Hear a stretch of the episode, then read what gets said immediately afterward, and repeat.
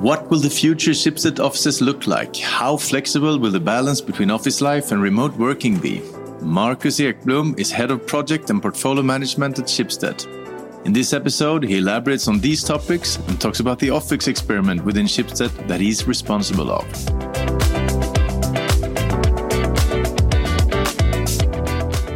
Marcus, welcome to Schibsted Talks. Thank you. I read before the summer that this is, was going to be back to the office phase. Is it really?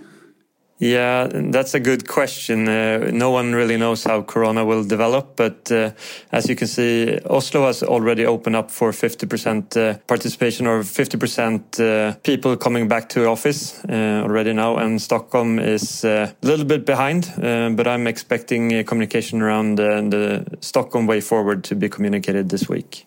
So okay. let's see what they say. That's basically the latest news you have on this topic. That's the latest news I have on this topic. Uh, unfortunately, I don't know. Uh, they're they're looking into it, and uh, a decision will be made this week on way forward. During to poll that you did, 80% of the Schibsted employees say they want a more flexible future. Will their wishes be heard? What, what's what's Schibsted's idea going forward? Yeah, of course we listen to everyone, and that's kind of the foundation that we're trying to set to be as flexible as possible with our worker types uh, or employee uh, categorization types that we have introduced. Uh, so it will be more up to each brand and each business area or function to adapt to what's best for them what we're going into now is an experimentation phase, and I want to be really uh, clear on that. So we don't know. No one has been through this before. So yeah. what's uh, really important now is to be open-hearted and uh, try out the new new things and be be listen to what works for you and listen to what works for your for your team and try out new ways of working. Yeah. What what could those experiments be? We're trying uh, new ways of uh, using digital and technology uh, so that we can work uh, in various places and be as efficient as when everyone is in the same room, or even more efficient because mm -hmm. we get a lot of feedback that meetings are much more efficient now and everyone is involved in a much better way than when one or two were on the remote and the rest was in a room. So, and yeah. but this is also also something that we need to learn and uh, work with in order to know how the future of Schibsted will look like. Yeah, personally, I work very poorly from home. Uh, I mean, will I be able to go to the office every day? You think? Absolutely, uh, everyone is that wishes to is of course welcome to the office. That has not changed.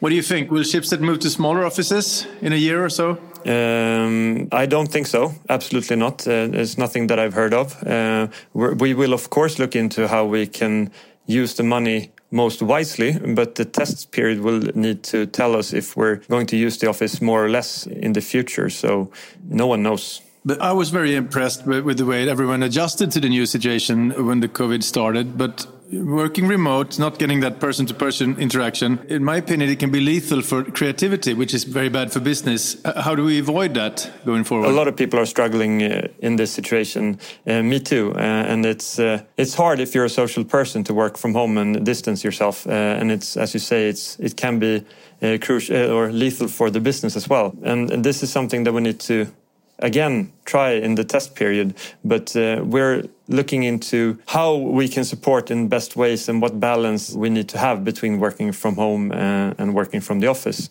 And also i think that the office going forward will be a different type of place.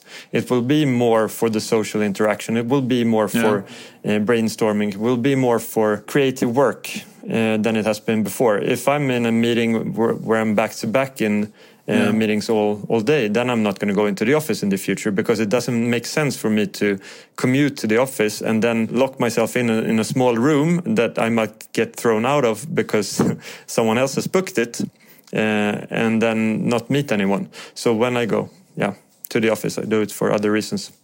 But could that mean that a, Schibsted office in the future could be look more like a Silicon Valley company with, with, with table tennis and jump yards and, and, stuff like that for the creativity? If that uh, triggers creativity for you, then uh, that might be the future. I don't know. Yeah. Uh, I, I, think that we need a different set of uh, environment. Uh, I think it, it, will be an experimental phase. I think a, a few people will get inspired but that, by that, kind of environment, and other people won't. So it, we will need to find the balance. I think. Do you think people will have their own office spaces? Do you mean office spaces like a separate desk or a separate? Uh... Yeah, my own desk. I mean, will I have my own desk where I put a picture of my dog and, and you know like that? I don't know going forward. Uh, as the survey uh, pointed out uh, that you referred to earlier, I think 20% uh, said that they would like to work from the office 100%. Uh, and I think people, dependent on their home office situation or how they prefer to work, they might uh, want to be in the office all time, but I think that would be few personal desks. So uh, you yourself then, what balance would you like to have between the home office and going into the Schibsted office? Uh, I have thought quite a lot about this, uh, and I don't know. Uh, I have, I'm fortunate to live very close to the office, so yeah. I, I have no trouble in commuting to the office. But I'd say I will be in the office about two to three days a week for social yeah.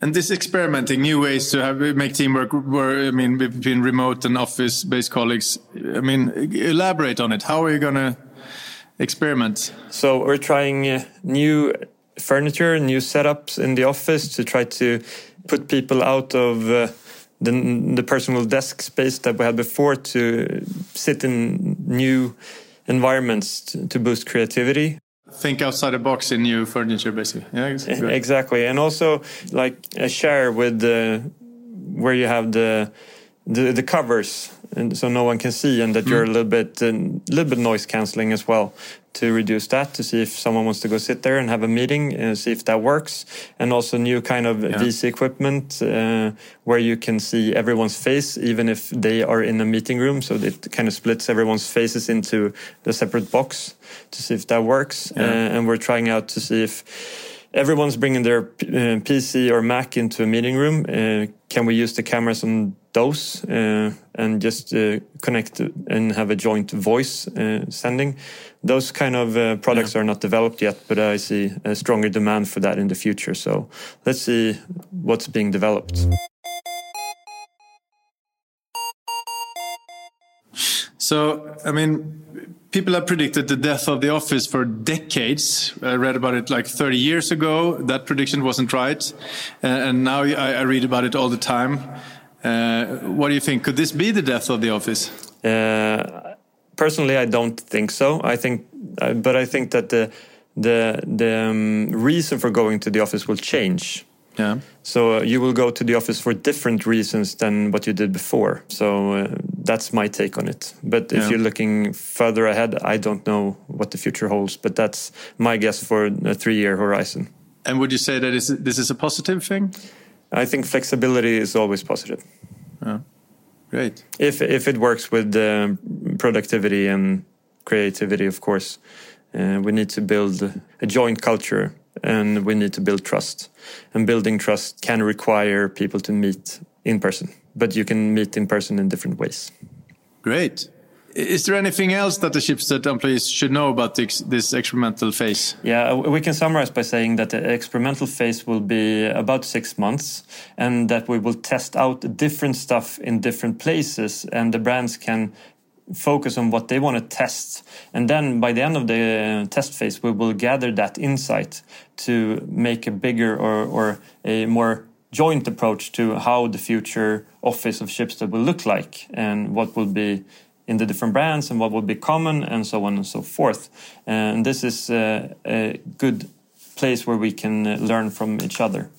And that will be published like next spring or something? Or? Uh, depends on when we're getting back to the office. Uh, I'm having a steerco meeting today to try to figure out when the test phase should start. Uh, I want to start as early as possible, but it's also important that we have the possibility or the data and the people in the office to be able to test uh, and also also the furniture needs to be there for us to test them so uh, we ordered all the everything before summer so we'll see when it gets to us but due to corona we have had some delays in deliveries uh, as every, everyone else thank you very much for coming to Schibsted Talks thank you hugo it's been nice being here